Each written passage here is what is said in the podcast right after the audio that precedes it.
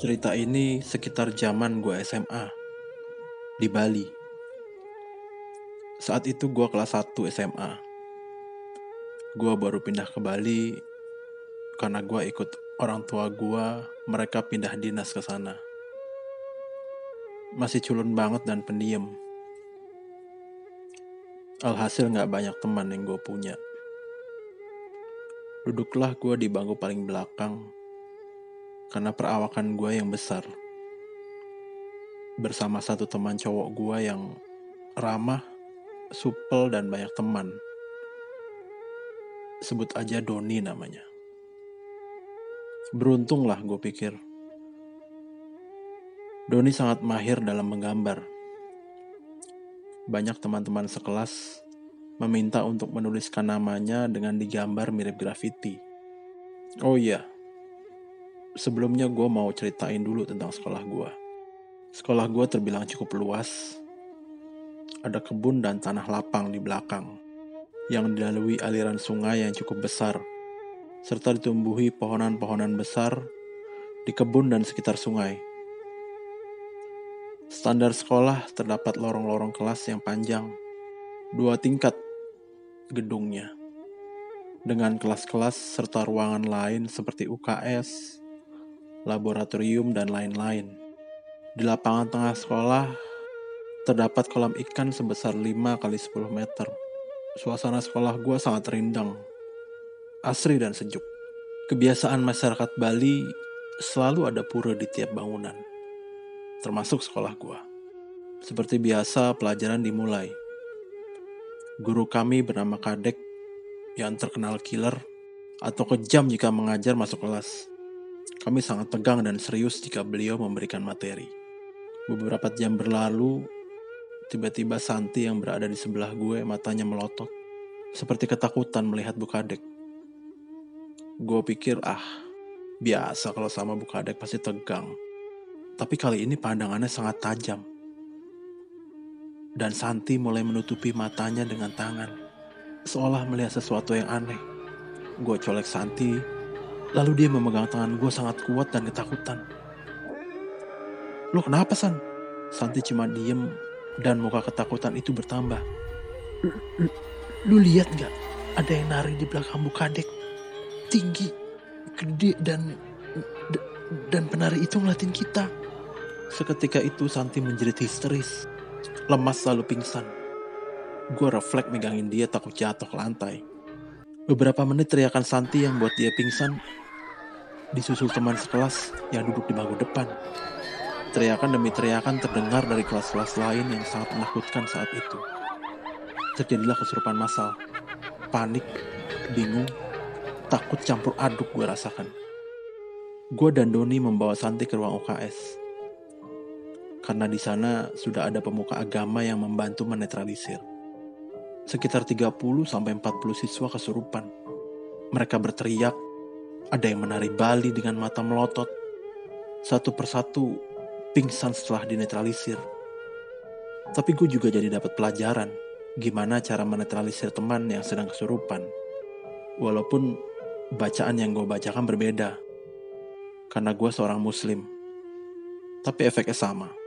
Setelah Santi pulih, dia duduk lemas bersandar. Gua, Doni, dan teman-teman lainnya yang sadar sibuk membantu pemuka agama Sesekali gue melihat kondisi Santi. Dia diam dengan tatapan kosong. Tapi lama-lama dia gerakkan tangannya seperti mau menari. Lalu Santi berlari ke arah sungai yang ada di kebun belakang sekolah. Gue sontak kaget. Santi, lo mau ke mana? Gue memanggil sambil berlari mengikutinya. Ketangkap tangan kanannya, tangan gue dipukul dengan tangan kirinya. Dia terus berlari. Gue coba tabrak Santi dari belakang sambil gue peluk.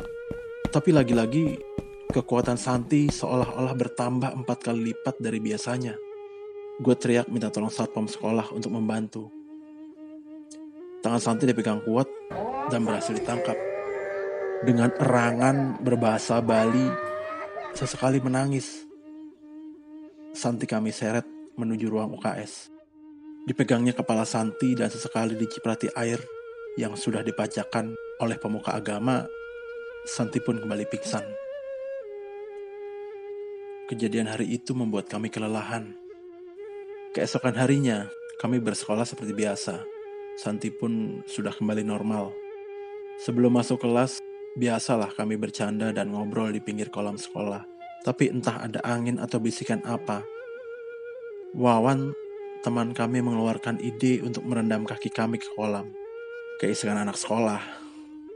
Kami berempat akhirnya ikut merendam kaki di kolam itu. Asik kami ngobrol sambil merendam kaki, Santi berbicara dengan nada datar. Jangan kotori tempat ini. Sesaat kami terdiam, tapi seolah tidak peduli dengan Santi. Kami tetap lanjutkan mengobrol dengan sesekali menggerakkan kaki di kolam. Santi tampak marah, membentak kami dengan kalimat yang sama. Jangan kotori tempat kami. Lalu Santi mengangkat kakinya, masuk ke kelas meninggalkan kami. Kejadian janggal mulai terulang lagi. Bel berbunyi tanda masuk kelas. Gua angkat kaki dari kolam menuju kelas. Tapi Dua orang lainnya tampak diam tidak ada reaksi. Di depan kelas gue teriak, Woi, ayo masuk. Mereka berdua saling menatap. Kaki mereka tidak bisa digerakkan naik. Seolah-olah ada yang menarik dari dalam kolam. Wawan yang tadinya tampak senang berubah diam, kosong, lalu menangis meminta ampun. Sedangkan teman yang lain masih berusaha mengangkat kaki dengan rasa panik dan bercucur keringat. Gue coba dekati mereka dan membantu, tapi memang berat dan tidak bisa terangkat. Gue segera ke ruang guru meminta bantuan guru agama yang sekaligus pemuka agama sambil mengaduk-aduk air kolam dengan tangan dan membaca doa-doa. Akhirnya satu persatu kaki mereka bisa diangkat. Guru itu berpesan untuk selalu menjaga sikap selama di sekolah agar kejadian ini tidak terulang lagi. Kami pun segera masuk kelas untuk mengikuti pelajaran. Bel pulang pun berbunyi. Siswa berhamburan keluar, gua pun bergegas pulang. Malam hari sekitar pukul satu, handphone gue berbunyi. Gue ditelepon Doni, teman sebangku. Dia cuma meminta tolong seperti terjadi sesuatu. Tapi sambungan telepon tiba-tiba putus. Gue coba hubungi lagi. Doni, keluarga dan teman-temannya tidak ada yang respon. Bodoh lah pikirku. Sambil gue siap-siap tidur mikirin Doni. Setengah tertidur, tiba-tiba jendela kamar gue diketuk. Gue kaget. Buka jendela kok ada orang di jalan pakai seragam sekolah. Itu siapa? Penasaran gue keluar buka pintu rumah. Kosong. Sepi gak ada siapa-siapa. Seketika merinding langsung balik badan gue. Pas buka pintu rumah buat masuk. Astagfirullah. Doni dengan muka pucat duduk di bangku rumah gue. Doni, lu kenapa? Muka lu pucat banget. Gue coba hampiri dia. Gue panggil berulang-ulang, dia diem aja. Terus gue langsung ke dapur buat ambil air minum. Tapi setelah gue balik lagi ke tempat Doni duduk, ah, Doni gak ada. Kaget, merinding, bingung, takut pokoknya campur aduk lah. Gue langsung aja masuk ke kamar. Gue kepikiran Tadi tuh Doni bukan ya? Hingga pagi tiba dan gue siap-siap ke sekolah. Kebetulan hari itu gue dapet jatah piket. Jadi mau gak mau gue jalan pagi-pagi. Dua temen tim piket gue udah ada di dalam kelas. Tapi kok ada yang aneh. Mereka bukannya bersih-bersih, tapi cuma duduk, diam, dengan raut muka ketakutan menatap papan tulis. Gue tanya, Oi, kalian kenapa? Nggak dijawab pertanyaan gue. Mereka hanya menunjuk papan tulis hitam dengan tangan gemetar. Spontan gue lihat papan tulis. Kaget gue. Di papan tulis ada tulisan kapur graffiti bertuliskan Doni. Gue tahu betul itu karya Doni dari bentuk dan gaya tulisannya. Jelas kita bertiga kaget. Karena sepagi ini masa ada orang iseng. Apalagi Doni. Sangat nggak mungkin. Karena Doni keseringan datang telat. Tanpa berpikir banyak, gue langsung hapus tulisan di papan tulis. Karena murid-murid sudah mulai ramai. Pelajaran pertama berlangsung, gue udah mulai curiga ketika Doni nggak ada di sebelah gue.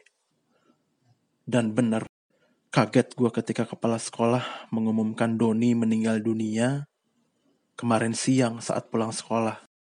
Gue langsung mikir campur ketakutan. Terus semalam yang telepon gue siapa? D dan yang nulis di papan tulis? Demikian cerita kiriman dari Teto Hanindito, Bali.